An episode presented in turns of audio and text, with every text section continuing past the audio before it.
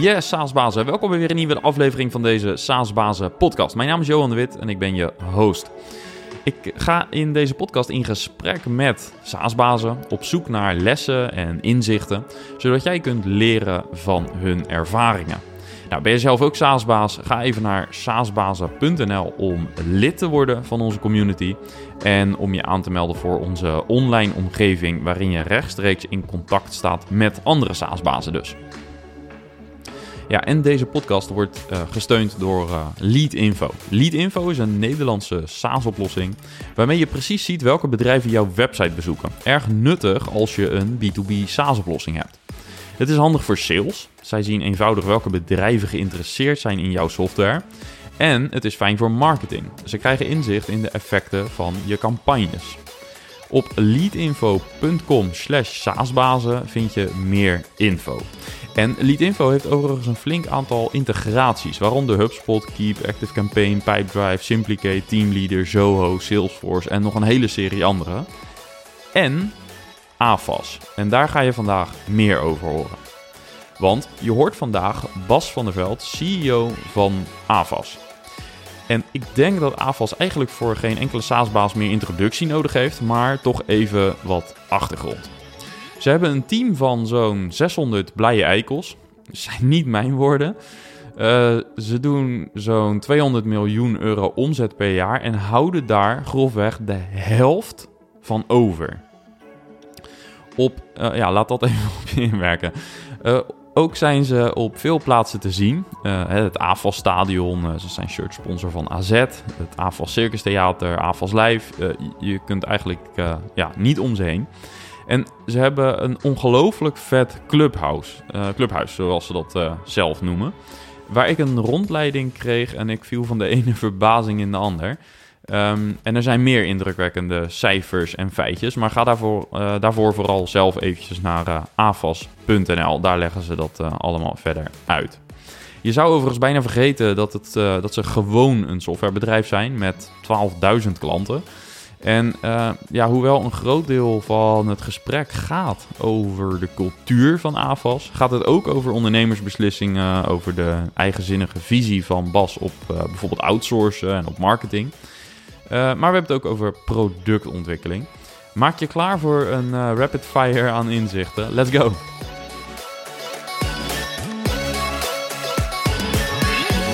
Yes, Bas, van harte welkom in de SaaS Bazen podcast. Als ik het goed begrepen heb, ga ik iemand interviewen die best wel een beetje gek is. Klopt dat? Ja, het wordt wel gezegd, ja. Ja, gek. maar ja. zie je het zelf ook? Ja, absoluut. Ik kom af en toe met ideeën dat mensen echt zoiets hebben van, die is knettergek. En soms zijn ze inderdaad ook een paar jaar te vroeg. Soms zijn ze ook knettergek en moeten we het zeker niet doen. Dus ja, bij mij is het wel, uh, als je er een muntje in gooit, krijg je tien ideeën. En dan moet je zelf wel even selecteren welke goed zijn en welke niet. Er zitten zeker een heel aantal gekken tussen. Ja, gaaf.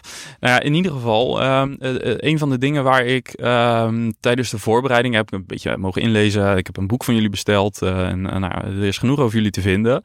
En uh, een van de vragen waar ik een beetje mee achterbleef was... Uh, ja, enerzijds noemen jullie jezelf ook gek, hè? het zit echt in de, in het DNA. Uh, maar aan de andere kant zit er juist ook iets heel normaals. Dus heel normaal doen, doe je al gek genoeg. En dat zijn voor mij dat is een soort van tegenstelling die erin zit. Um, maar als jij het zou moeten uitleggen, ja, waar vind je dat jullie zelf thuis horen? Een beetje in dat gekke of heel nou, normaal ik, doen? Ik geef veel presentaties um, en op een gegeven moment had ik echt een presentatie. Ik had ook maar gewoon begonnen met een, een, een, open deur. Had ik letterlijk op een sheet staan. Een open deur. Want ik, ik, ik vertel dan bijvoorbeeld tien tips geef ik dan uh, een club ondernemers mee. En dan zeg ik, ja, het zijn eigenlijk allemaal enorme open deuren. Um, maar als niemand het doet, is het wel de vraag of het normaal is. He, dus dus um, ja, wij zijn de enige die een, een, een, een, een theater heeft in zijn eigen bedrijf. Uh, en daar ook nog eens een keer een musical draait over Johan Cruijff. Ja, is dat gek of is het eigenlijk best wel normaal? Als softwarebedrijf zou je zeggen, Zou het is gek, want dit is niet de norm. Nee, maar nou hoorde ik uh, een half jaar geleden dat uh, onze grote concurrent Exact ook een musical gaat sponsoren. Dus dat was natuurlijk hilarisch.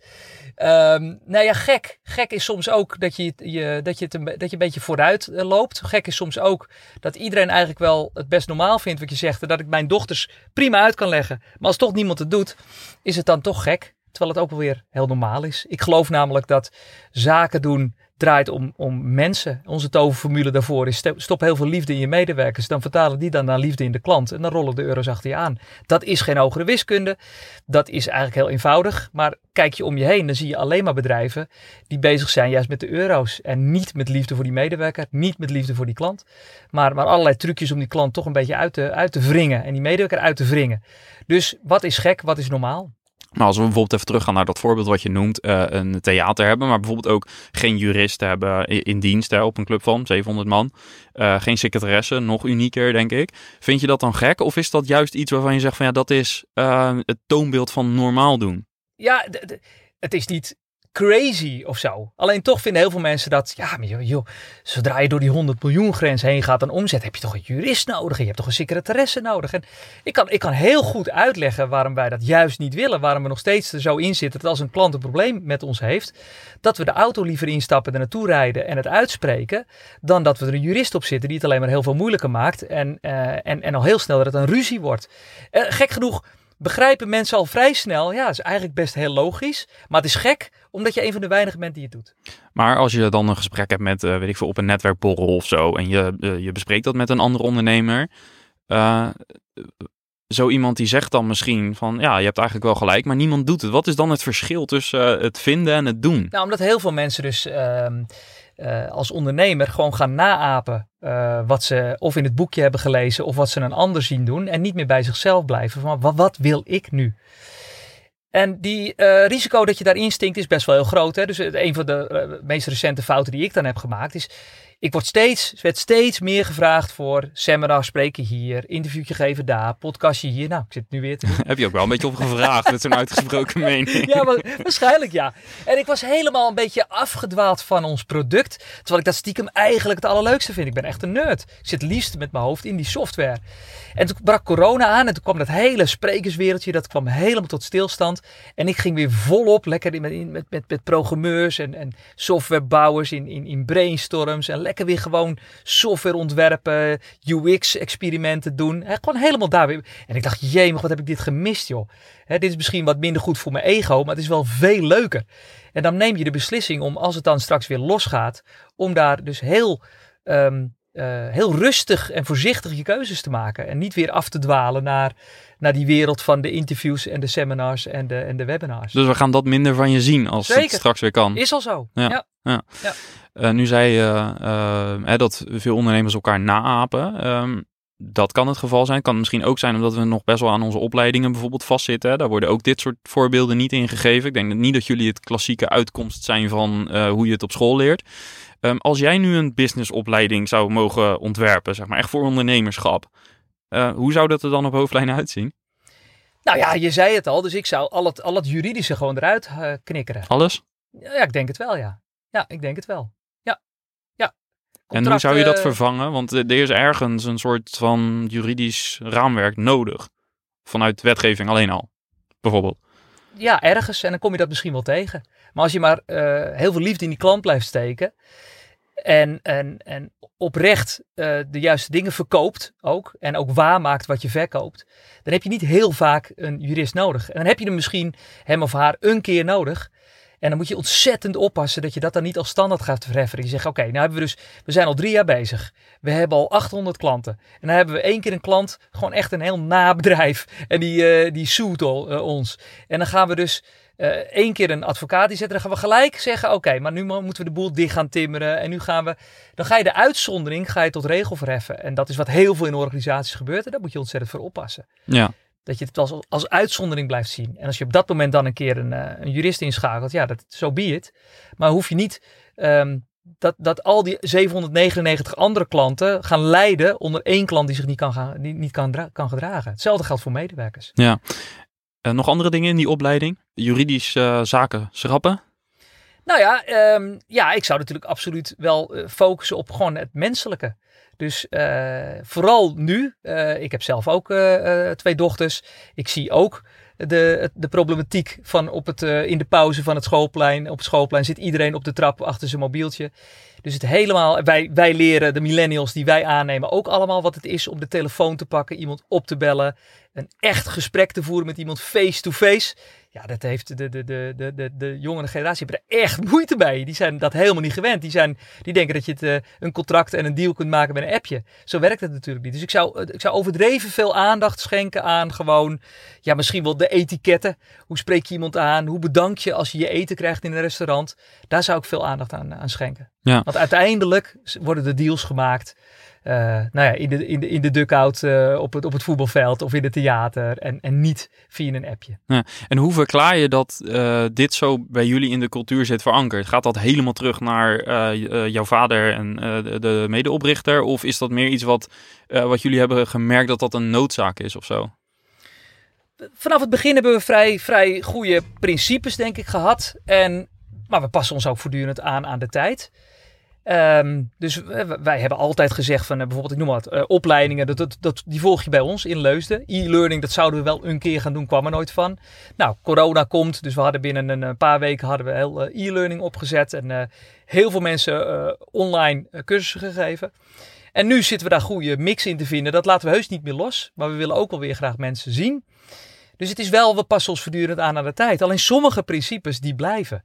Dat is namelijk als je iemand um, uh, verneukt, dan zal die alles doen uiteindelijk om jou uiteindelijk een keer terug te pakken. Ja. En als je heel lief en heel vriendelijk voor iemand bent en goed voor iemand bent, en ook als, als het op een gegeven moment een keer een, een klant gaat weg, dan kan je dus aan de ene kant zeggen, uh, wat wij doen, zeggen nou oké, okay, je kunt iedere maand bij ons stoppen als je klant bent. Vind ik echt uh, prachtig. En met andere woorden, als wij het niet iedere maand waarmaken, dan kan een klant gewoon besluiten weg te gaan. Er zijn er ook natuurlijk bedrijven die proberen met, met contracten eh, de klant aan zich te binden. Of, ik zie het ook echt bij collega's van ons, dan, dan scoren wij een, een klant. En dan, uh, uh, dan is de softwareleverancier waar ze twintig jaar lang hebben gezeten, die gaat in één keer super lelijk doen.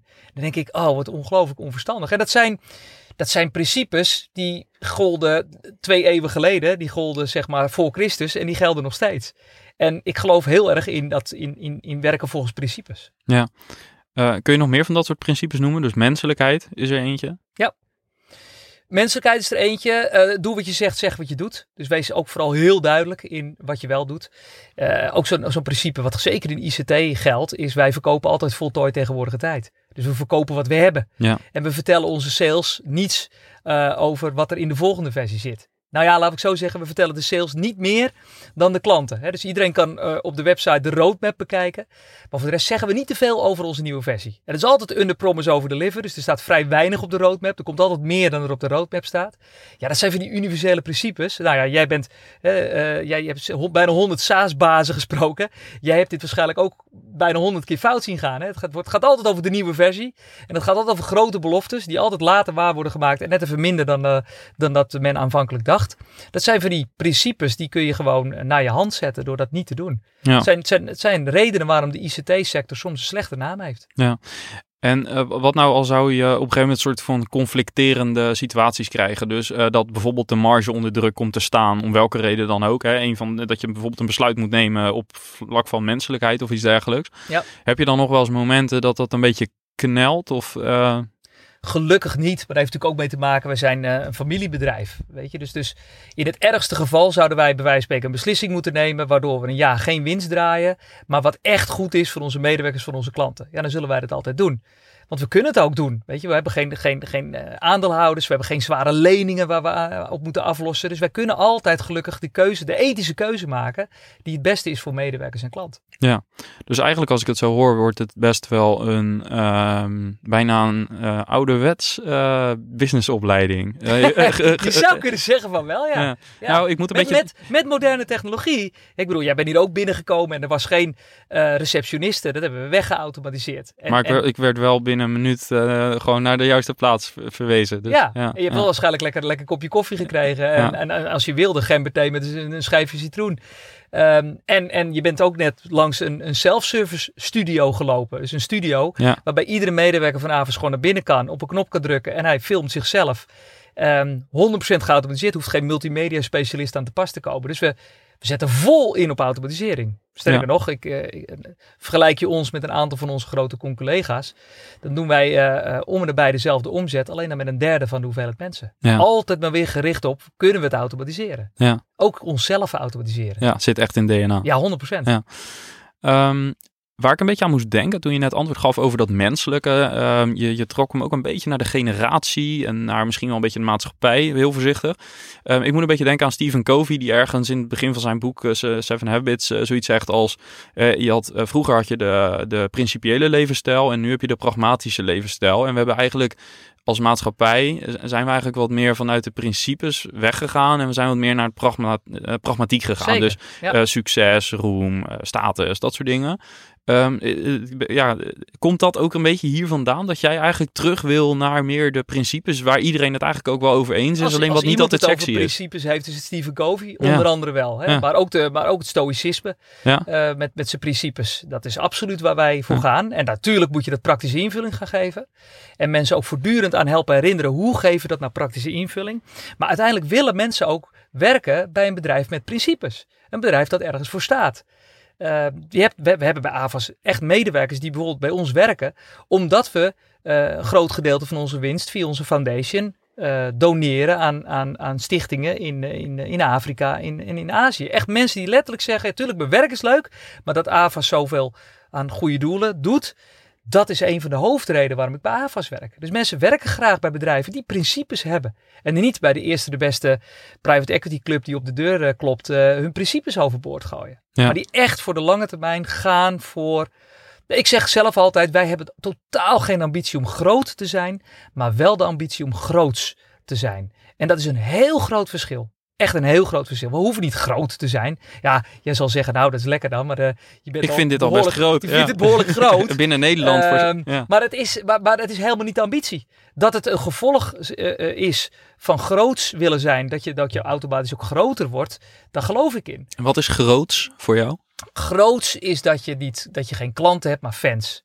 Dat je, dat je niet medewerkers hebt, maar mensen die zeggen, ja, ik, ik, ik werk echt met hart en ziel voor dit bedrijf. Ik, ik, ik, als er op een verjaardag iets lelijks wordt gezegd over het bedrijf, dan spring ik ertussen en dan zeg ik wat er wel allemaal goed is. Dan ben ik ook natuurlijk heel erg benieuwd wat er dan niet goed is, wat we kunnen verbeteren. En gelukkig, wij hebben heel veel van dat soort medewerkers.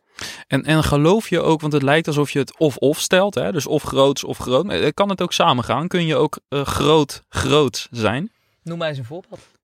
Ja, ik weet het niet. Ik vraag Nee, het nou aan ja, jou. dat is, dat is mijn punt ook. Ik, kom, ik, ik zeg zelf vaak hoe groter, hoe kloter. Maar ik kom eigenlijk geen echt... Ik, als ik me wil laten inspireren, kom ik altijd bij de kleinere bedrijven uit.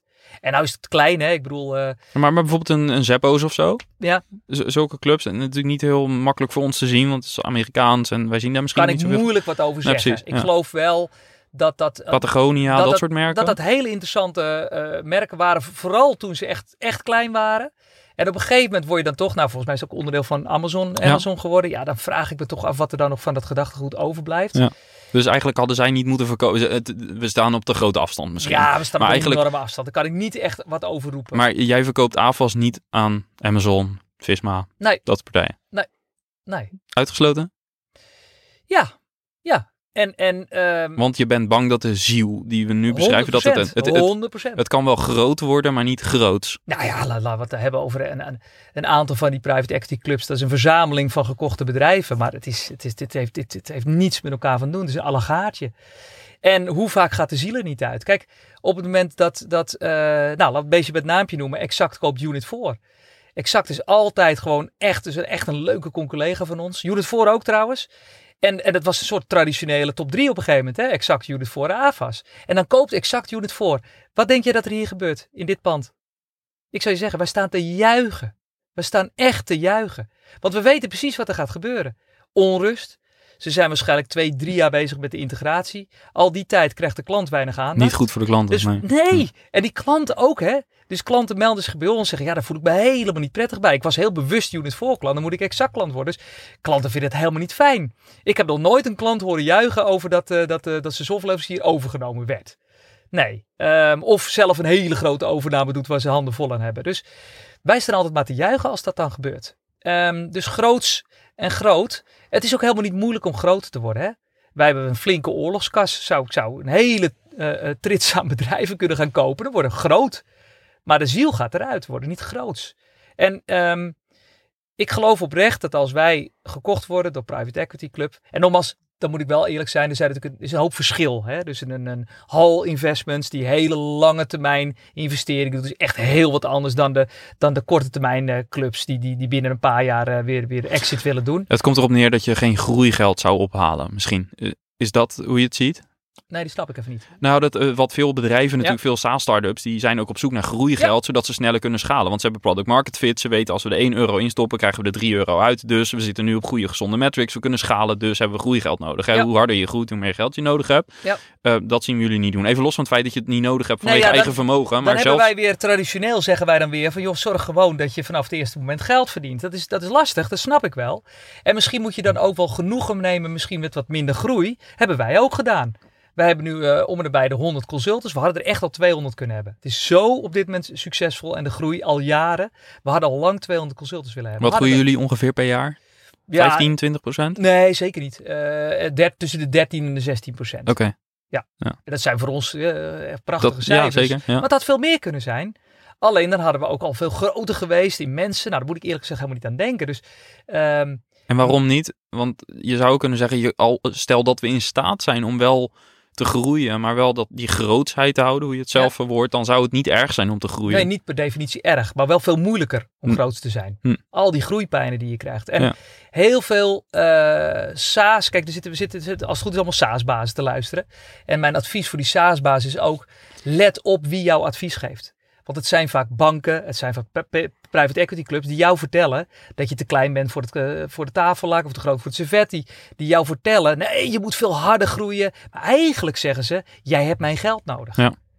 Uh, en vervolgens, nou ja, ik zeg niet, je verkoop je ziel in de duivel, maar vervolgens wel wil ik ook wat te zeggen hebben over jou. En dan ga ik jou ook wel pushen, om pushen en pushen. Um, en de vraag is of je dat wilt. Waar word je nou echt happy van? Kijk, ik, wij bijvoorbeeld, en wat geluk, uh, onze andere aandeelhouders ook.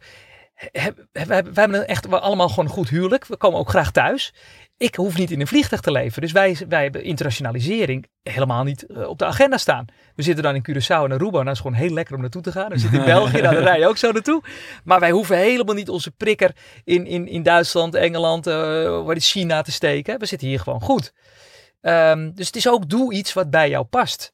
En laat je, let altijd goed op wie jouw advies geeft. En het zijn vaak, ik bedoel, wie is er gebaat bij dat advies? Het zijn vaak banken, het zijn vaak investeerders die jou dit soort dingen vertellen. Maar blijf alsjeblieft bij jezelf. En, en zorg gewoon dat je, dat je lekker groeit, dat je de baas bent in je, in je eigen tent. En die verhalen over het moet allemaal volgend jaar, want anders eh, ben je er niet meer. In de praktijk blijkt dat helemaal niet zo te zijn. Nee. Dus het andere geluid wat ik graag even verkondig. Ja, uh, ik wist dit van tevoren al, want het is eh, bekend dat jij uh, deze visie ook, ook graag uitdraagt. Um, heb je ook wel eens in je team bijvoorbeeld, want jij kunt het vinden als aandeelhouder, als eigenaar. maar jullie trekken denk ik ook ambitieuze mensen aan, want jullie stralen natuurlijk heel veel ambitie uit. krijg je niet soms vanuit je team die impulsen dat ze zeggen, nou, we zouden eigenlijk wel leuk vinden om ook eens naar Duitsland te gaan? Of oh, naar ja, andere... Ja, hoe ga je daar dan mee om? Nou, dan zeggen we dat niet doen. ja, heel democratisch. Ja, super, super, simpel. nou ja, intussen zijn we, we zijn natuurlijk best uitgesproken. Je zegt het zelf al, een boek over ons geschreven en dragen veel dingen uit in filmpjes. Dus we trekken, doordat we zo duidelijk zijn in wat we willen zijn, trekken we ook in principe niet dat soort mensen aan. Als Want ze weten het al wat ze, ze krijgen. weten al van tevoren. Ja. We zijn super duidelijk. Dus je weet, er is geen grote internationale drang. Er is een drang om groot te zijn en niet om groot je krijgt geen secretaresse, hoe groot je ook bent. Ik bedoel, we hebben een directeur, uh, Robert de Ruiter, die geeft aan onze consultants en, uh, en supportmedewerkers lijst 240 mensen. Die heeft ook geen secretaresse. Dus, en hij moet er ook niet over vragen, want dat weet hij al. Hij, hij, hij heeft ook allemaal de behoefte niet, omdat hij uh, ook ziet dat het gewoon zonder ook prima kan. Maar doordat je zo uitgesproken bent, trek je ook aan wat je wilt. Ja. Dus je trekt ook de juiste klanten aan, want die weten ook al van tevoren wat ze krijgen. Ja. Ze krijgen een eigenwijze club, maar wel eentje die echt voor ze door het vuur zal gaan. Dit klinkt ook als een uh, nieuwe TKW voor de luisteraar. Dat uh, onderdeel van je hele verhaal, door je verhaal te brengen, dat het ook makkelijker is om mensen binnen te halen die eigenlijk al van nature bij je waarde passen. Want Zeker. als zij al zien dat je uitgesproken bent over uh, nou, dit soort zaken, dan zul je ook niet zo snel een mismatch krijgen op cultuur, in ieder geval niet. Klopt helemaal. Ja, ja mooi. Ehm, je zei net, eh, je, je noemde het woord geluk. Ehm, in relatie tot nu hebben wij het geluk. Ehm, eh, vind je dat jullie geluk hebben? Ja, ja. Je hebt heel veel geluk. Je gelooft in geluk. Zeker. Ja, ik geloof dat je geluk deels kunt afdwingen, maar zeker niet, eh, zeker niet eh 100%. Zeker niet. Nee, dus we hebben heel veel geluk. Ik bedoel, ik heb geluk met, met mijn gezondheid, geluk met de gezondheid van heel veel van onze medewerkers. En, en tegelijkertijd, Ja, ja maar toch is dat geluk. Want ja, dat- jullie komen wel over als een organisatie. Ik heb natuurlijk wat dingen van je gezien en gelezen. Eh, je spreekt bijvoorbeeld een medewerker er al op aan als die rookt. Ja, in hoeverre kan je dan nog... En nogmaals, dit, nu pik ik er een heel klein dingetje uit. Maar dat doe je over de hele linie. Dat je wel echt bewust bezig bent bijvoorbeeld met gezondheid. Dat Ja, dat een thema is. Maar ja, we hebben nu een, een, een medewerkster van ons 21 jaar en die, eh, die heeft kanker in de rug. Ja, eh, ik gelukkig niet toen ik 21 was. Jij ook niet. Eh, en dan kan je zeggen, ja, hè, misschien rookte ze of misschien... Nee, allemaal niet.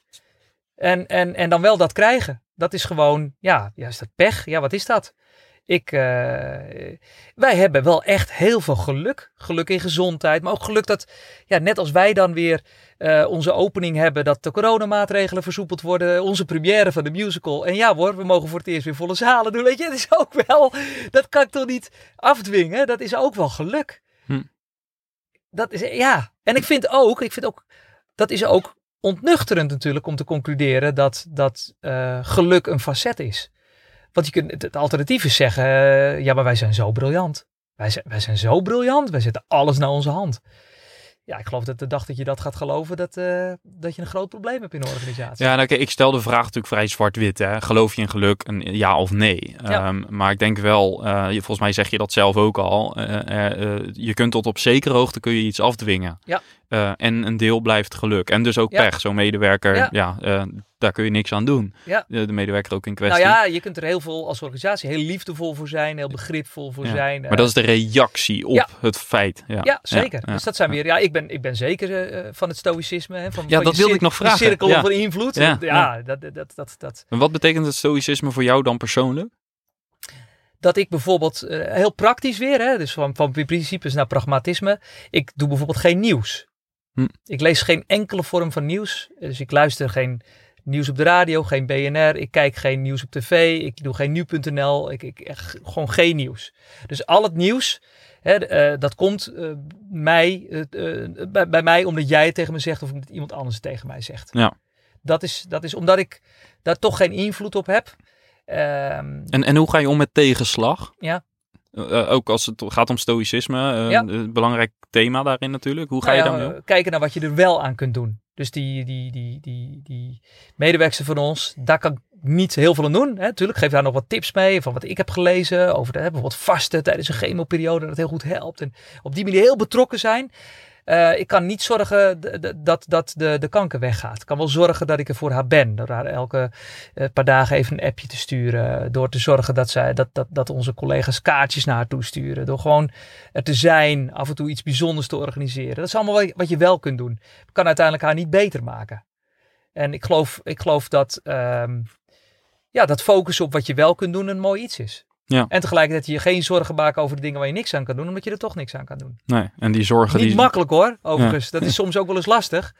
Maar dat, eh, dat streven eh, heb ik wel. Ja, en hoe houd je dat scherp voor jezelf? Want, want je, tenminste, hoe ik het ervaar, ik lees ook graag over stoïcisme en dergelijke. Maar ehm, ik merk bij mezelf wel dat ik dan, dan heb ik net het boek gelezen of dan heb ik net een podcast van Ryan Holiday of zo geluisterd. En dan zit ik weer helemaal in. eh, en dan, dan denk ik van ja, nu, nu ga ik het, nu heb ik het onder controle. En dan twee weken later, dan denk ik van ah, Ja. ik ben wel een paar keer vergeten. Hoe houd jij dat scherp? Ja, dat heb ik net zo. Dus dat heb ik ook. Ik ben trouwens fan van Ryan Holiday.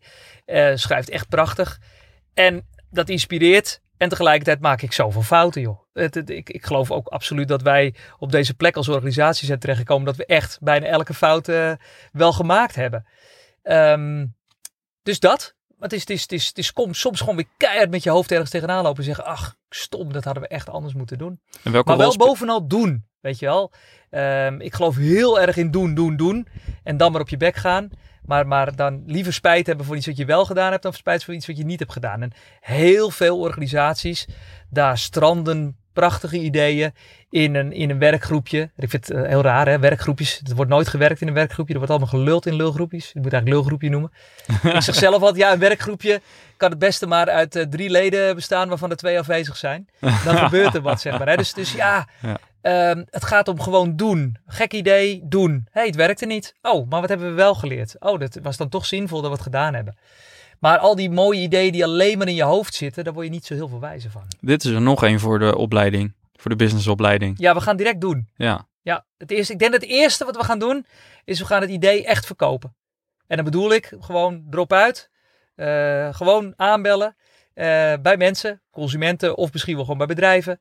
Echt naar binnen en zeggen, niet zou je dit willen kopen, maar oké, zet dan ook je handtekening. Kom terug bij het product, maar dan koop je het ook. Ja. Want als, je, het- als het niet verkoopbaar is, dan kun je er beter gewoon niet aan beginnen. Hoeveel Ja. ideeën niet, niet prachtige apps worden gemaakt door, door mensen die het niet gebruiken. Ja. Hebben wij trouwens ook een fout in gemaakt. Hè? Wij hebben destijds een, eh, een van onze weinige overnames die we wel hebben gedaan. was een mini-overname hoor, maar dat was van uh, Juno. Eh, dat hebben wij omgedoopt tot Avas Personal. Dat was echt een, een huishoudboekje. En wij dachten, nou dat is geweldig. Mensen kunnen daarmee echt inzicht krijgen in hun financiën. Betere beslissingen nemen en daardoor beter financieel gezond zijn. Maar we kwamen er al vrij snel achter. Mensen die financiële problemen hebben, willen helemaal niet weten hoe ze ervoor staan. Nee. En, en ze hebben ook het geld niet om überhaupt iets te gaan betalen op lange termijn. Of voor de oplossing, lijkt Ja, mij. Nou ja, onze oplossing was gratis, dus dat was niet per se het probleem. Oké, maar wat was dan de, de, de gedachte erachter om het te gaan maken? Voor, vooral gewoon mensen echt oprecht helpen. Ja, precies. En laat het, een- laat het Hm. een mooi eh, iets zijn voor onze naamsbekendheid. Je kunt, je kunt een voetbalclub sponsoren, je kunt een theater sponsoren of, Ja. of een poppodium. Je kunt ook een Je kunt ook allemaal app- doen. Je kunt ook allemaal doen. Ja, dat is waar. Ja. Je kunt ook allemaal doen. Hey, die wij- mensen zijn er ook. Wij dachten, hé, hey, maar we kunnen ook een, een gratis app ter beschikking stellen. En eh, dat is dan ook sponsoring. En dat, eh, dat is dan heel goed voor onze naamsbekendheid. Maar heel simpel, mensen willen helemaal niet geconfronteerd worden met hun financiële situatie. Nee. Maar dit heb je geleerd door te doen. Ja, Ja. ja en, dan, en tot de conclusie te komen dat mensen dat dus niet Ja. willen. Maar eh, volgens mij heb je ook eerder gezegd bij een product, ik weet niet of het Profit was of een ander product, volgens mij een ander product, ehm, dat jullie te lang hebben doorontwikkeld. Eh, zit dat ook een beetje in die hoek dat je inderdaad, dat we iets minder moeten nadenken, misschien iets meer moeten doen of sneller moeten doen? Ja, moeten meer doen. Ja. Doe, doe het maar gewoon. Ehm, eh, ja, er wordt dan in de SaaS-wereld altijd gezegd een minimal vi- viable. Dat- MVP, minimum ja, viable ik vind, product. Ik vind niet altijd dat dat het nou moet zijn, want dan, ja, dan weet je het eigenlijk nog niet. Hè? Want eh, je hebt, ja, dan ligt het er dan aan omdat ik het echt te minimum heb gemaakt of dat het gewoon een slecht idee is. Dus ik vind dat, dat eigenlijk een slechte gedachte. Maar wat moet je wel doen dan? Als SaaS-bedrijf, als je nu starter bent, je luistert en je hebt een goed idee, eh, hoe zou jij het in de markt zetten? Nou, ook daar weer dan een, laat ik dan toch weer eens even een eh, idee van stal houden wat wij zelf, we bestaan 25 jaar, al 25 jaar doen. Al 25 jaar lang nodigen wij ieder jaar voor al onze producten klanten op ons kantoor uit. We noemen dat inspraaksessies. En dan mogen ze ons vertellen wat er moet gebeuren met de software. En het gekke is, dat doet bijna niemand. Want we doen allemaal wel user voice en allemaal dat soort moderne dingen. Maar dat is toch eh, een plek waar iemand ook snel even wat opgooit. En dan is het dat dan maar weer. Ehm maar echt gewoon in contact met die mensen. Gewoon een zaaltje vol. In het begin zaten daar gewoon 20, 30 mensen. Tegenwoordig gaan we wel tot een, tot een aantal of nou, 40, 50. En dan gewoon aanhoren wat iemand echt te zeggen heeft. Dat proberen goed te vertalen. Hè? Van hebben wij u dan goed begrepen? Bedoelt u dit of dit? Ja, dat is het. Hè? Bijna, bijna laten zien van, oh kijk, hier wil je dan graag een knop die dat en dat doet. Vervolgens gaan we stemmen met z'n allen. Dat is eigenlijk het essentiële onderdeel. Hè? Van, ja, als die persoon de enige is die dat wil, dan zeggen we ook direct terug. Nou, jammer, dat gaan we niet bouwen. Sorry, Ja. dit, dit, doen we niet. Ja. Maar soms gaan er ook wel eens een keer eh, 60, 70% van de handen omhoog. Dan zeggen we, jee, mine, dat hebben wij dus echt gemist. We wisten niet dat dat zo belangrijk was. Ja. En dan is het ook gelijk de toezegging om het de volgende versie te realiseren. Ik eh, hoorde laatst een voorbeeld van, ik weet het niet 100% hoe het zat hoor, maar het was een beetje de buy a feature game. Dus je nodigt een groep klanten uit, mogelijke gebruikers, eh, en je geeft elke feature, die kost 100 euro, laten we Ja. zeggen. En je geeft iedereen 500 euro Monopoly geld en je legt 10 of 20 features voor. En je laat ze gewoon, hè, mensen kunnen betalen 500 euro voor één feature, als die Ja. het belangrijkste is, of 200 voor die, 100 voor die. Eh, om echt, echt eh, mensen met geld, een beetje met dat gevoel te laten spelen, zodat ze prioriteiten aangeven. Ja. Dat past een beetje volgens mij in het verlengde van ja, wat je nu ja, zegt. dat is ook, Ja. ook een leuk idee. Bij ons zat hem de truc er eigenlijk in dat soms iemand echt, we zeiden altijd van neem, neem je gewoon je, je lijstje mee en zet, ze van je belangrijkste punt bovenaan eh, en je, je minder belangrijk punt onderaan. En de, de microfoon gaat echt van rechts in de zaal naar, naar links in, achter in de zaal. Dus iedereen doet eerst zijn allerbelangrijkste punt. Ja. En dan zit er bijvoorbeeld iemand rechts voor in de zaal en die begint heel vol vuur zijn feature te, te verdedigen. En, en die denkt echt van, nou, ik, dit, dit wil iedereen, weet je wel. Zo wordt het ook heel vaak verteld, weet je wel. Dan, dan Ja. zit je bijvoorbeeld in een bepaalde branche, weet je wel. Wij, wij zijn vrij recent de bouwbranche ingegaan, drie jaar geleden. En dan, ehm, dan leveren we dat product. En dan zegt de eerste bouwklant, "Ta, ja, dit wil iedere bouwonderneming. Dat, dit zal eh, iedere SaaS-baas herkennen. Hè? Ja. Dat, ze, dat ze al vrij snel zeggen, denken dat hoe zij werken, elk bouwbedrijf werkt. Ja. Is, is niet zo. Dus dat is grappig. Dus die persoon voor in de zaal, vol vuur, verdedigt zijn punt. We gaan stemmen. En hij is eigenlijk de enige die zijn punt eh, belangrijk vindt. En het leuke is dan dat er dan wel iemand anders in de zaal is die zegt: Hé hey joh, hoe jij dat doet, dat, dat, dat is heel ouderwets. Je moet gewoon dit of dit. Of in de pauze bijvoorbeeld gaan ze echt discussies met elkaar aan. Dus ook heel veel features verdwijnen. Gewoon poef, zijn gewoon helemaal niet meer een feature. Terwijl als dat een, een item is ergens in een user voice systeem of wat dan ook. ehm, eh, en, en iemand anders gaat daar ook nog eens een keer op stemmen. En dan ga je automatisch denken, zal, het zal wel een ding zijn of zo. Het is helemaal niks. Dus juist de discussie die volgt over de inhoud van de features vinden we interessant. En dat zou je wat minder hebben, denk ik, met zo'n feature game. Ja. Want dan staan de features eigenlijk al vast. Ja, want je wilt eigenlijk meer over de problemen hebben en niet te veel Juist. over de features. Laat je product manager Ja. maar met zijn team over de feature nadenken, maar je wil Ja. vooral de problemen boven water hebben. Ja. Ja. En toen ik eh, directeur productontwikkeling was, stond ik zelf ook op het podium bij Ja. de inspraaksessies. Het was ook gelijk, als we zeiden het zit erin, dan zat het er ook in. Als we zeiden het zit er niet in, zat het er ook niet in. Ja. Dus dat was wel, ik vond dat altijd heel erg leuk om te doen. Oké, mooie takeaway ook voor SaaS, want ik weet dat dit bijna overal speelt. Ja. Dat, eh, dat is Ja, echt zeker. een, eh, een enorme struggle. Ja, ja. Oké, ehm, als we nog even kijken naar ehm, eh, jullie winstgevendheid, wordt heel veel over geschreven. Wil ik niet te lang bij stilstaan, want daar kunnen mensen allerlei andere podcasts en keynotes naar kijken. Ehm, maar waar ik wel benieuwd naar ben, voor jou persoonlijk. Je hebt, laten we even gemakshalve zeggen, 100 miljoen per jaar aan, aan winst. Je hebt een team dat ehm, nou ja, eh, helemaal afgestemd is op eh, zeg maar de cultuur. Je hebt een fantastisch pand. Je hebt eh ontzettend grote groep tevreden klanten. Je hebt gave events elk jaar. Heel veel gave energie. Waar droom jij zelf dan nog van als je dit al hebt? ja, dat is wel leuk. Dan is het nou, opnieuw dan misschien een takeaway voor je SaaS-bazen. Wij zijn heel erg van de 1% beter strategie. En wat houdt dat in? Dat we zijn, we, we hebben helemaal niet de ambitie om dit jaar 30% te groeien. Maar wat we wel graag willen, is alles wat we doen, iedere week een procentje beter maken. Niet 10, niet 20, niet 30% in één keer met een hele grote slag. Nee, gewoon alles wat we doen. Van de manier waarop we koffie schenken tot de manier waarop we software bouwen, features beoordelen. Als we dat elke keer nou even ons bewust zijn, hoe kunnen we dit een klein beetje beter maken? Echt een klein beetje beter. Als je dat lukt, en je, het lukt je om 1% te doen per week, heb je aan het einde van het jaar ook 52% groei te pakken. Ik heb het niet over financiële groei, maar Mhm. groei in, Over de hele in linie. performance, zeg Ja. maar. En, en dat is een beetje de strategie die wij hanteren. We zijn helemaal niet op zoek naar een, naar, eh, zeg maar een pot met goud aan het einde van de regenboog, maar gewoon naar alles wat we doen, elke dag een klein beetje beter doen. Maar wat ik hier nou zo interessant aan vind, en dit was ook zo'n soort eh, tegenstelling die ik bijna van, van buitenaf zeg maar eh, eh, leek te constateren. Ehm, wat je nu omschrijft klinkt voor mij als, zeg maar in managementtermen, een beetje als blauw. Optimaliseren, een beetje bijna MBA-achtig Ja, ja. gevoel. De dingen ja. een klein beetje verbeteren, procesoptimalisatie. Zie ik heel erg terug bij jullie. Aan de andere kant zie ik ook een organisatie die heel erg durft, heel extrovert is, eh, gekke dingen durft te doen. Best wel geel, denk ik, hè, die term. Misschien zelfs een beetje rood hier en daar. Echt Ja. wel je durft uitspreken.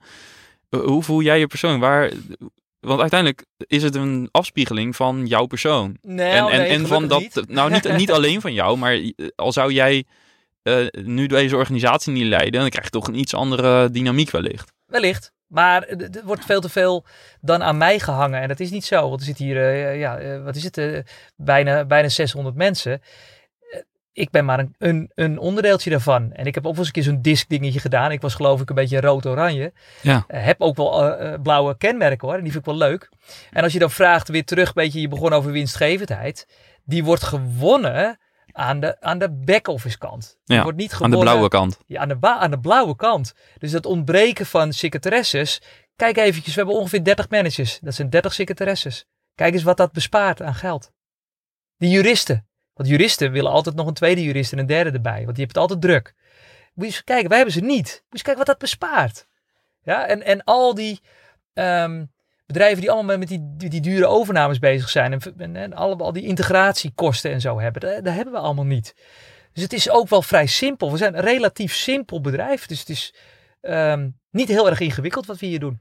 Nee, maar Daar tegelijk, winnen we het. Maar tegelijkertijd wel, als je kijkt naar die, die, eh, zeg maar die persoonlijkheid die jij... Want eh, ik snap dat je zegt van ja, we zijn uiteindelijk met 700 man. Dat is denk ik ook zo. Ja. Maar eh, ik denk uiteindelijk ook dat eh, de cultuurbepaler, dat, dat, dat, dat moet ergens in het begin zitten. Dat zit in de roots van je bedrijf. Het is niet, AFAS is niet een hele onpersoonlijke eh, VC-club geweest. Nee, nee, nee. Ehm, en, en wat ik fascinerend vind, is dat jij met eh, zeg maar de, de, extraverte, als je op het podium staat en ook als je je verhaal doet, ehm, en, en een beetje meer de gele kant, dat je dus ook zoveel voldoening haalt uit dat 1% beter. Dat kan ik bij heel veel SaaS-bazen plaatsen hoor. Echt, want ik denk dat heel veel SaaS-bazen zijn die ook best wel dat blauwe profiel maar dat zie ik bij jou niet zo terug. En ik wil het niet te veel labelen, maar ik vind het wel opvallend. Ja, nee, maar het klopt ook. Ik bedoel, eh, ja, wij hebben een, een, een grote eh, productontwikkelingsafdeling. Dat zijn echt hele andere mensen dan de sales, de marketeers en de, en de gastvrouwen en gastheren en zo. Dus dat klopt. En wat vinden zij van die cultuur? Want eh, ik weet bijvoorbeeld, ik spreek ook heel veel developers natuurlijk, of Ja. indirect, die vinden mij al vaak veel te blij. Ja, ja zeker. Ja. Wat vinden zij van de cultuur? Merk je dan dat die anders reageren dan sales bijvoorbeeld? Die dat misschien Ja, dus ze vinden mij ook natuurlijk een blije eikel. En ik vind hen ook wat, eh, wat autistisch hier en daar. Natuurlijk is dat zo. En tegelijkertijd is het wel zo dat ze er ook wel respect voor hebben. Dat als we het over de software hebben, dat ik wel precies weet hoe het zit. Ja. Hè, ik, kan, ik, ik, ik kan het niet programmeren, zeker niet. Ik kan het wel testen, ik kan het ook ontwerpen. Ik kan goede zinvolle dingen over de user experience zeggen. En ik ken elk functioneel dingetje bijna nog in het product. En dat geldt ook voor onze financieel directeur. Het geldt ook voor onze customer operations directeur. Het geldt voor alle managers. Maar het geldt ook voor alle schoonmakers die hier werken. Om eens iets te noemen. En onze hoveniers. We hebben tegenwoordig ja, vrij groot pand. We hebben ook eigen hoveniers. Ook die werken met onze eigen software. Om dingen vast te leggen die beter kunnen. Dus dat is ook wel zo'n dingetje geweest. Dat heeft mijn vader zeker in die beginperiode 15 jaar geleden er goed ingestampt.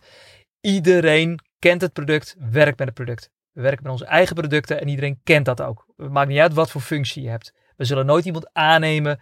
Sowieso nemen wij geen managers aan, maar die kweken we zelf, zeg maar. Maar je moet die feeling met dat product hebben. En dat geeft zeker aan de, aan de productontwikkelingskant, zeker ook bij developers, geeft dat, dwingt dat wel respect af. Ja. Dat je het ook wel weet waar je het over hebt. Ja, Want anders word je natuurlijk heel snel weggezet als, eh, als het lullijzer. En dat, dat ja, ik bedoel, ik, ik heb zelf een, een, een, eh, een studie gedaan ehm, eh, aan de Universiteit eh, van Amsterdam Bedrijfsinformatiesystemen. Dat is IT Ja. met economie. Nog steeds een studie die goud is volgens mij, maar wat nog steeds veel te weinig mensen doen. Dat je echt best of both worlds pakt. Ja. En ik geloof ook nog steeds, nou ja, kijk naar de, de bekendere voorbeelden als een Bill Gates of, of, een, of een Steve Jobs. Maar zeker ook, ook hier in Nederland. Dat geloof de, de, de, de mensen die beide kanten een beetje begrijpen. De sales en marketing kant en echt ook die IT kant. Van wat bouwen we nou precies? Hoe moet het nou precies werken? Dat zijn toch wel de, de eh, bedrijven die het over het algemeen opvallend goed doen. ja, ja mooi. En dat, ik kan me heel goed voorstellen dat dat inderdaad eh, respect eh, afdwingt bij ook zo'n IT-team. Ja. Ja. Ja, mooi. Oké, een ander thema wat je eigenlijk nu al een beetje aanstipt is... eh, ehm, ik zou bijna zeggen, en je mag het afzwakken als je wil, de, de antipathie tegen outsourcen. Ja. Waar komt dat vandaan? Omdat, ehm, nou, ik zie al dat het af en toe moeilijk is met mensen die tegenover elkaar aan een bureau hier werken. Dat ze al moeite hebben om elkaar te informeren en te communiceren. Zeker IT'ers. Laat staan dat daar een, eh, een, een, een, een, een, een- een landgrens eh, is, een taalgrens is, een cultuurgrens is. Dan wordt het wel echt lastig.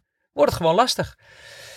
En dan moet je je ook afvragen, maar waarom zou je dat dan willen? Weet je wel? En dan wordt natuurlijk al vrij snel geroepen, ja, maar er is geen goed IT-talent te vinden hier. En ja, dan zoek je gewoon niet goed genoeg. Of je bent niet aantrekkelijk genoeg. Want het is er wel.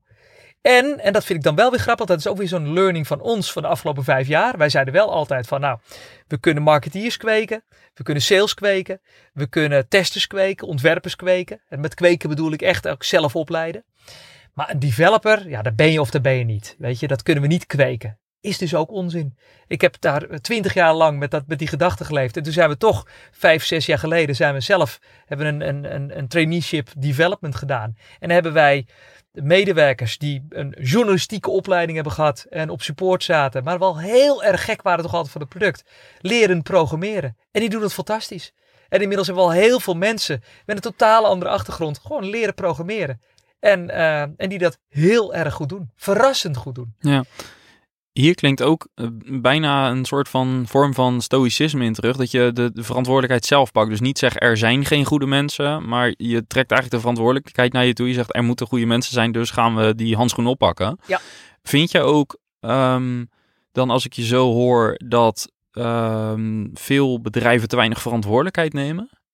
Of ondernemers moet ik misschien zeggen. Nou, dat, dat durf ik niet zo een harde uitspraak over te doen. Maar als je natuurlijk wel kijkt van wat kan je wel. Dus je kunt heel erg zeuren over wat je niet kunt beïnvloeden. Het weer. En, en, en hoeveel mensen zich wel of niet laten vaccineren. Weet je, maar je kunt wel beïnvloeden um, uh, hoe aantrekkelijk je als werkgever bent. Uh, hoeveel liefde je in die mensen steekt. Hoeveel vertrouwen je hebt dat het je wel lukt. En ja, stoïcisme betekent dat je je daarop focust en niet te veel loopt te zeuren. Want iets, ja, het over dingen hebben waar je toch geen invloed op hebt, is al vrij snel zeuren. Ja. Um, dus klopt. Ja, en vrij zinloos dus. Ja. Vind ik. Ja, ja. ja. oké. Okay. Um, jullie marketing valt natuurlijk op. Um, veel SaaS-bedrijven zijn bezig met lead generatie, demand generation, mooie naam allemaal.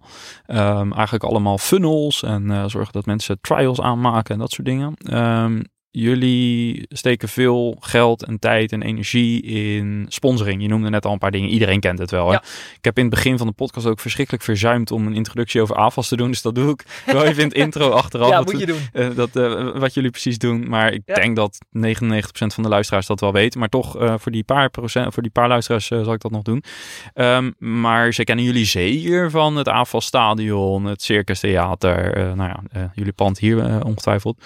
En, en meer van dat soort dingen.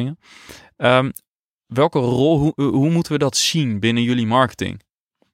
Nou, je kunt heel veel geld heel makkelijk kwijt zijn als je je naam op een voetbalshirtje plakt. Of op een poppodium zoals de Avens Live of op een theater zoals de Circus Theater. Dat kost heel veel geld. En dat levert wel wat naamsbekendheid op, maar levert het ook business op? Nou, vaak niet. Dus je moet nadenken, hoe gaat het met business opleveren? Dus wij zeggen bijvoorbeeld bij iedere thuiswedstrijd van AZ, als AZ tegen uh, Sparta speelt, dan nodigen wij Rotterdammers uit die voor Sparta zijn, die in ons stadion hun eigen clubje bekijken. Die vinden het leuk om dat te doen, dat doen ze nooit, hè, want ze zitten altijd dan in Rotterdam dat te bekijken. En nu kunnen ze dat een keer in Alkmaar bekijken. En dan gaan we op een hele ongedwongen manier, gaan we natuurlijk wel praten over hoe draait je bedrijf eigenlijk, en waar loop je nou tegenaan? Uh, zou je niet willen dat dat wat soepeler loopt? hey, wist je dat wij er software voor hebben? Uh, zullen we daar eens over in gesprek gaan? Dus maar hier zo... kun je ook een skybox voor huren. Dan kun je ook een skybox verhuren. Ja. Maar jullie gaan echt next level. Ja, omdat wij, wij proberen in al onze sponsorschappen iets te doen wat je niet kunt kopen. Zo hebben wij bijvoorbeeld in het Avenstadion een dugout op het veld. Dus ik weet niet, ben je voetballiefhebber? Ja, zeker. Van welke club? Feyenoord. Fey, Feyenoord, tuurlijk. Oh, Uiteraard Rotterdam. Lekker, lekker. Ja. Uh, Gaan we niet te lang over hebben. Nou ja, ja, nou ja dat doe je jezelf aan, zeggen ze altijd. Hè? Ik, heb, ik heb niet zelf, zelf niet zo heel veel met voetbal hoor, dat moet ik er ook bij zeggen. Maar hoe leuk is het dat, dat jij kan, ik kan jou, je eigen clubje op het veld laten zien. Ja. In de dugout, echt letterlijk op het veld. Ja. En dan kijk jij uh, naar rechts en dan zie je in de andere dugout zie je Arne Slot staan. Heb je er trouwens lekker uh, weggekocht uh, bij ons? Ja, dat hebben we dan wel goed gedaan. Goed gedaan, ja. ja. goed gedaan. Dat kan jij niet kopen. Al zou je het willen ergens, ja. kan niet. Staat nergens, kan alleen bij ons. In ons stadion. Dus maar op is... mijn uitnodiging kan ik jou je eigen clubje op het veld. Nou, is dat gaaf of niet? Maar het is dus de emotie um, waar eigenlijk je marketing omheen ingericht is. Ja, dus Want ook je, bij muziek, het gaat ja. om de emotie die erin zit. Ja, maar jij kan een kaartje kopen in de Avonds Live, dat kan je wel doen. Hè? De, maar bij ons kan je in onze VIP-box, kan je ook zeg maar zien dat zodra het concert klaar is, hoe dan iedereen die zaal uitgeveegd wordt, jij kan gewoon blijven staan. En jij kan zien hoe de trucks en trailers naar binnen worden gereden. En hoe alle, uh, alle mensen, alle riggers van het plafond naar beneden komen. En binnen no time al die hele set gewoon opruimen. Omdat, ik noem maar wat, AHA de volgende dag in, uh, in uh, Parijs gaat spelen. Dat kun jij nergens kopen, kan je bij ons wel doen. En ondertussen praten we ook een beetje over business en over andere leuke dingen. Ja. En dat is dus emotie toevoegen aan het product. Software is uh, 0 en 1. Software is relatief koud. Dus daar moet je wat emotie omheen willen, willen brengen. En dat doen wij op deze manier. Ja. En uh, die emotie, dat, uh, jullie maken dat uiteindelijk wel nog uh, zichtbaar. Heb je bepaalde KPI's op dat vlak? Of zeg je daarvan, je, je, knikt al ja? Ja, ja tuurlijk. Ja, nee, het moet Ja, je zegt tuurlijk, maar anderzijds, ja, eh, eh, precies, maar anderzijds, er zijn ook best wel SaaS-bazen die ik spreek en die zeggen van, nou, ik, ik ben niet zo heel erg dol op KPI's. Heel veel wel, hè. Ik denk 90% zeker wel. Maar er is ook een paar procent die zegt van, nou, ehm, ik kijk wat liever naar de lange termijn, naar de trend. Ik, ik, ik zou jou inschatten als meer een beetje aan dat gedeelte van het Het is spectrum. echt beide. Oké, Het is 50-50. Het moet goed voelen 50-50 en zelfs. het moet ook meetbaar goed zijn. Hm. Dus het begint bij het gevoel, bij ons zeker. We halen Obama naar Nederland in de Avonds Live. Nou, super vette actie. Dat voelt goed. Maar vervolgens hè, kost ook veel geld. En zitten er natuurlijk wel degelijk een aantal mensen ook te rekenen. Hoe gaan we dat terugverdienen? Gaan we terugverdienen? Et cetera. Dus het is beide. Het is Ja. echt 50-50. Je, moet, je, moet, je kan dat onderbuikgevoel niet uitschakelen. En je wil ook niet alles op je onderbuikgevoel doen en dan maar eh, la la la. Dus je moet ook wel meten en kijken, levert het het op? Ja, dus als ik jou in een eh, keynote spreadsheet ridder hoor zeggen, dan eh, bedoel jij iemand die is doorgeslagen naar die 99% spreadsheet en die 1% menselijkheid, die eh hoi en doei zegt. Ja. Ehm, en jij balanceert liever op 50-50. Zeker. Ja. ik vind echt beide heel erg belangrijk. Ja. En je moet volgens mij ook zitten waar niemand zit. Dus ja, daarom, kijk, als, als straks elke voetbalclub door een softwareleverancier wordt gesponsord, zijn wij weg. Ja, maar nu doet niemand het. Dus, dus doen wij het. Ja. Dus je moet ook doen wat de ander niet doet. En iedereen zit met die stomme search eh, AdWords op Google. Eh, dat kost ondertussen goud geld. En de vraag is dan, wat levert dat dan nog op? Hè, of, of op LinkedIn. En, en, en nou, eh, no touch. Hè, wordt natuurlijk al heel snel gezegd. En Ja. het moet allemaal maar digitaal. En als iedereen digitaal gaat, moet je het juist niet doen. En als, als iedereen gaat doen wat wij doen, dan gaan wij denk ik vol digitaal. Dus het is ook gewoon, ja, eh, toen corona uitbrak, eh, waren in één keer commercials voor een spotje, voor een spotje, spot goedkoop. Een spotje met spot goedkoop. Toen gingen wij tv-reclame doen. Want niemand deed het meer, dat moet Ja. je doen. Ja. Nou, dit is eigenlijk heel eenvoudig. Eh, de, de Van de Valkjes bijvoorbeeld, van de hotels, die doen het altijd. Hè? Dus als het, eh, als de crisis is, dan gaan zij, als een gek gaan ze overal lopen bouwen. Ja. En, en op het moment dat het dan weer, eh, dat, dat, dat de tijden weer goed zijn, hebben zij de verbouwing al achter de rug. En dan gaan de anderen aan de gang. Ja. En dus op het moment dat, dat ja, die, die, die crisis die we allemaal hebben gehad natuurlijk. Ook, bijvoorbeeld nou, die, die 2009, 2008, 2009 crisis. Toen hebben wij gr- gruwelijk veel goede mensen aangenomen. In één keer waren ze er. En tegen de tijd dat iedereen ze weer begon aan te nemen, toen hadden wij ze al. Ja, dus, Dus durf moet- anticyclisch te ja, werken. 100 procent. Ja, ja. Ja. Ehm, we zouden een beetje de tijd in de gaten houden, want ik heb nog een rondleiding te goed. En die ga ik hem echt niet af laten pakken. Nee, nee, zeker niet. Ehm, is er nog we iets? moeten gewoon een keer een coole SaaS-bazen live event hier in het clubhuis houden. Ja, niet? daar zeg ik geen nee tegen. Nee, dat gaan we gewoon doen. Dus alle Ja. luisteraars zijn er lekker uitgenodigd. En Ja. dan gaan we ze hen laten ervaren wat jij zo gaat ervaren. Ja, oh, dat lijkt me echt heel tof. Laten we dat eh, inderdaad eh, gewoon alvast beloven. Eh, we verkopen het bij deze. De- we Eerst doen, dan denken. Het denken doen we later. Ja, zeker. Eerst Oké. doen denken. Oké, dat is meteen een eh, mooi, eh, mooie oefening voor mij. Ehm, even ook voor de luisteraar. Wij zitten overigens in een eh, studio bij, bij jullie dus. En ik had een, eh, nou, ik heb jullie boek gelezen, The Entrepreneurs. Wat vond je ervan eigenlijk? Ehm, rommelig. In Ja? de zin van, zeg maar, het gaat echt alle kanten op. Ehm, wat het dus heel makkelijk maakt om ehm, gewoon eens lekker te lezen. Dus je kan echt gewoon het ene hoofdstuk, je kan het bo- boek openklappen en gewoon lekker een hoofdstukje Ja, lezen. En het is je, eigenlijk ook een koffietafelboek. Precies. Ja. Nou, daarvoor leent het zich echt fantastisch. Eh, ik zat er natuurlijk in van, ik wilde gewoon weten van, oké, maar hoe zit de cultuur? Welke rol speelt eh, bijvoorbeeld die emotie erin? Want dat haalde ik er bijvoorbeeld uit dat dat super belangrijk is.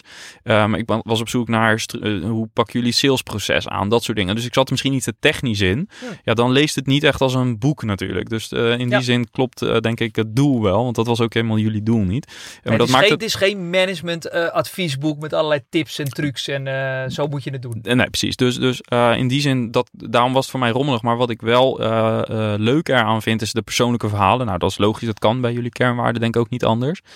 Ehm, wel vond ik, ik heb ook wat keynotes van je zitten kijken natuurlijk. Ehm, ik vind wel dat eh, als ik op basis van het boek keek, had ik heel erg gevoel van oké, maar het is allemaal wel heel goed nieuws. Heel erg goed nieuws. Terwijl als ik je in de keynotes en ook nu hoor ik je toch wel ook, ook goed nieuws delen. Maar dat kan ook haast niet anders. Want eh, ja, we kunnen wel stellen dat het goed gaat. Hè. Het Mhm. zou ook gek zijn om dat niet te, te laten zien. Maar krijg ik wat genuanceerder verhaal. Hm. Ja. Uh, dat vond ik in het boek vond ik dat wat minder, maar ergens, ik kan me dat voorstellen. Uh, ik vond overigens wel een heel mooi verhaal, vond ik. En jullie hebben natuurlijk een beetje de naam christelijk te zijn. Ehm, vanuit de roots, misschien nu wat minder, als ik hem goed heb ingelezen. En um, dan stond er bijvoorbeeld wel een verhaal in over een uh, jongen die uh, hier werkzaam uh, was, in ieder geval misschien nog is, die uit de kast kwam hier. Um, ja, maar wel, staat er werkt nog steeds bij ons, zeker. Precies, maar dat dat wel voor hem veel moeite kostte om dat te doen binnen deze cultuur, zeg maar. En dat uiteindelijk jij de regenboogvlaggen op hebt gehangen, eigenlijk zonder, waarschijnlijk zonder dat overleggen of iets, gewoon doen. En um, het mooie was die hele worsteling die erin staat. En ik dacht eigenlijk van, nou, nu houdt het verhaal op. En daarna kwam nog eigenlijk dat die, dat, dat dan ook weer toch binnen de organisatie voor wat controverse leidt. Eh, want andere mensen waren het niet helemaal eens met het feit dat jij die regenboogvlag had opgehangen. Dus ik zeg maar dat, die, die emotie, die vind ik wel mooi. En dat is wel real, zeg maar, als ik het zo lees. Ja. Dus um, ja. Nee, uh, uh, christelijk, kijk, dat wordt inderdaad wel eens gezegd. Uh, natuurlijk, het percentage is hoger dan als je in Amsterdam kijkt. Hè, bij ons heb je misschien 15, 20, 15 à 20 procent. Maar we hebben alles daarnaast. Hè, atheïsten, moslims, maar ook inderdaad de diversiteit in, in nou, 30 procent vrouw, wat heel, waar we heel blij mee zijn. transgender in dienst. En, en gelukkig op dat vlak heel divers geworden, ook in de afgelopen tien jaar. Ehm maar uh, uh, christelijk, dat wordt heel vaak gezegd, omdat een christen op de een of andere manier zich herkent in onze principes. Die zeggen, ja, dat zijn eigenlijk christelijke waarden. Ja. Terwijl ik zelf bijvoorbeeld ben niet christelijk. Hè? Dus dat is heel grappig dat het wel, wel soms aan ons gelinkt wordt, omdat we heel, nou ja, misschien wat principiëler uh, ja. opereren. Terwijl we dat niet per se zijn. Nee, maar ook om vanuit de roots uh, dat dat er wel in zit. En ja, dat oh, het, ja. het, het, deel medewerkers dat christelijk was wel uh, natuurlijk uh, Vergeleken met een grote stad of Rotterdam waar jij zit, heb je geen 15% of 20% mensen die christelijk zijn. Dat wordt lastig, ja. Ja. Dan moet je wel heel selectief gaan eh, zijn. Ja, Ja. ja. alright. Ehm, nou ja, ik had nog eh, een, een lijstje met vragen gemaakt. Ik heb hier een iPad voor me staan en ik had nog eh, wat, wat dingen wat ik wilde vragen. Maar laten we die eh, lekker bewaren, want we gaan hier ongetwijfeld een keer terugkomen een keer terug. met een Ja, SaaSbaas-event en dan gaan we verder. Want dit gesprek dat ging nou ja, eigenlijk heel, organisch. Had ik een beetje verwacht, maar ik had wat vragen achter de hand, maar helemaal niet nodig. Dus dat is een goed teken, denk ik. Ehm, eh, is er nog iets wat jij wilde meegeven aan de luisteraar, aan de SaaSbaas? Je weet een beetje wie de luisteraars zijn, denk ik, hè? de typische Ja. SaaSbazen. Ja. Is er nog iets wat ik niet heb gevraagd waarvan je zegt van dat moet elke SaaSbaas weten? Nou, mijn hoofdadvies heb ik al een beetje gegeven. En dat is, kijk alsjeblieft vooral met een bepaalde regelmaat even naar binnen, naar jezelf. Wa- Wat wil ik nou eigenlijk zijn? Weet je wel, wat wil ik, wat wil ik ook nalaten? Kijk ook alsjeblieft, ook al heb je misschien nog maar een klein beetje winst die je maakt. Wat besteed ik daarvan aan, aan, aan dingen om de wereld beter te maken? Dat mag niet een, een het, mag misschien in de eerste paar jaren wel een sluitpost zijn, of dat het nog heel, niet veel is. Maar op een gegeven moment moet je ook je maatschappelijke verantwoordelijkheid nemen. In hoeverre maken wij deze wereld beter of slechter? Hoe is het met onze footprint? Hoe is het met. met, met eh, en dat kan ook zijn dat je zegt: ja, eh, een week per jaar steken we onze handen uit de mouwen om, eh, weet ik wat, bejaarden door de stad heen te duwen. Dat maakt mij niet uit, maar ik vind het wel belangrijk dat je ook daaraan denkt.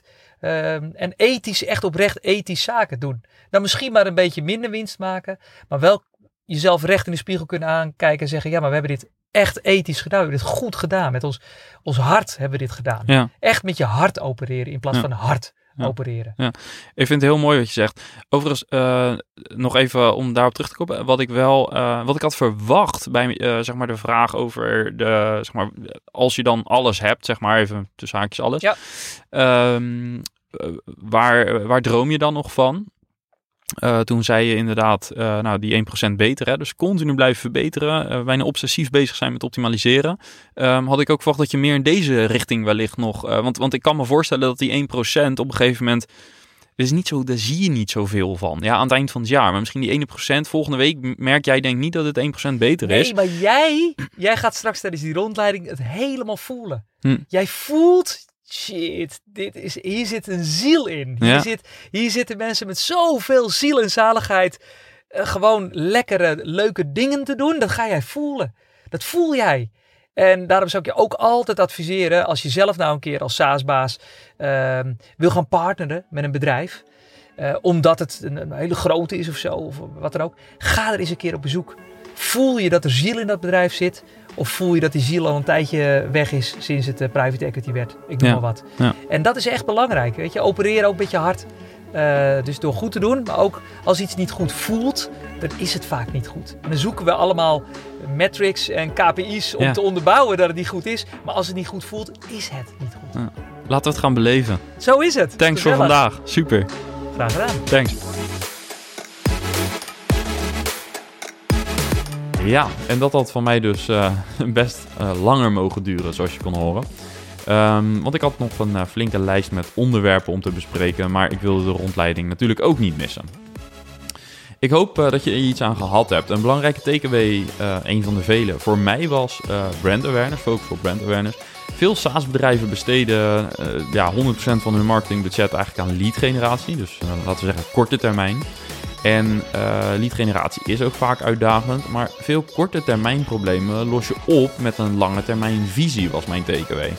Ehm, zo ook bijvoorbeeld met lead generatie. Namelijk zorgen dat je op veel plaatsen zichtbaar bent, maakt eh lead generatie uiteindelijk ook weer makkelijker. Mark van den Berg van Spotter had het in een eerdere aflevering eigenlijk ook over dat fenomeen. Hè. Eh, soms moet je niet alleen de, de, de user overtuigen, maar ook de buyer. En het helpt als de buyer, bijvoorbeeld de directeur van de organisatie die eh, jij wilt targeten, dat die ook van jouw bestaan weet. Nou, en door brand awareness eh, kun je daar dus aan werken. Bovendien realiseerde ik me dat het nadenken over lead generatie, wat veel SaaS-bedrijven doen, je helpt om na te denken over je product en de impact van je product. Maar nadenken over brand awareness helpt je om na te denken over je bedrijf en over de impact van je bedrijf. En dat zijn echt twee verschillende dingen. En ik denk dat eh, het nadenken over brand awareness je dus eh, ja, op verschillende inzichten kan, eh, tot verschillende inzichten kan leiden. Het kan eh, zijn dat je wat unieke dingen in je bedrijf ontdekt en daar meer over gaat communiceren. Best case. Maar het zou ook kunnen zijn dat je ontdekt dat je eigenlijk niet echt een heel uniek verhaal hebt. En dat lijkt misschien negatief, maar misschien is dat juist wel een hele positieve uitkomst, want dat betekent dat je er iets aan kunt doen. Kortom, ga op zoek naar manieren om eh, ja, ook jouw SaaS-oplossing, eh, om daaraan brand awareness te winnen. En doe dat door eh, ja, op zoek te gaan naar echt je karakter. Of dat nu rebels, speels, warm, sociaal, toegankelijk of welke andere karaktereigenschap je er ook maar aan wil koppelen is. Ga daarnaar op zoek en bedenk manieren om jouw SaaS-oplossing bij de juiste mensen onder de aandacht te brengen. Ook op een manier die misschien niet gebruikelijk is in de markt. Want veel SaaS-bedrijven zijn als het gaat om marketing eh, toch wel een beetje eenheidsworsten. Hè? Een website, social content, eh, advertising, CA, SEO, het hele pakketje. Bij internationaal georiënteerde bedrijven komt daar misschien nog een stukje eh trade shows bij of, of andere soorten events. Maar veel SaaS-bedrijven eh, ja, laten denk ik kansen liggen op het gebied van brand awareness. En dat vereist misschien eens een wat andere blik op eh, nou, je eigen bedrijf. Goed, tot zover even mijn, een van de vele takeaways van mijn kant. Het ja, lijkt me goed om ook eh, bij jezelf eh, af te vragen wat je uit dit eh, gesprek hebt gehaald. En zet het om in actie, want we hebben vandaag geleerd meer doen, minder denken. Dus let's go. Thanks weer voor het luisteren. Wil je lid worden van Saasbazen? Ehm, je bent van harte welkom op saasbazen.nl. Klik even op word lid en join de club. En eh, krijg toegang tot eh, onze tweewekelijkse meetup. Dat is een online meetup waar je rechtstreeks eh, communiceert met andere SaaS-founders, SaaS-bazen dus. En daar hoop ik je snel te zien. Bedankt voor het luisteren. Ciao, ciao!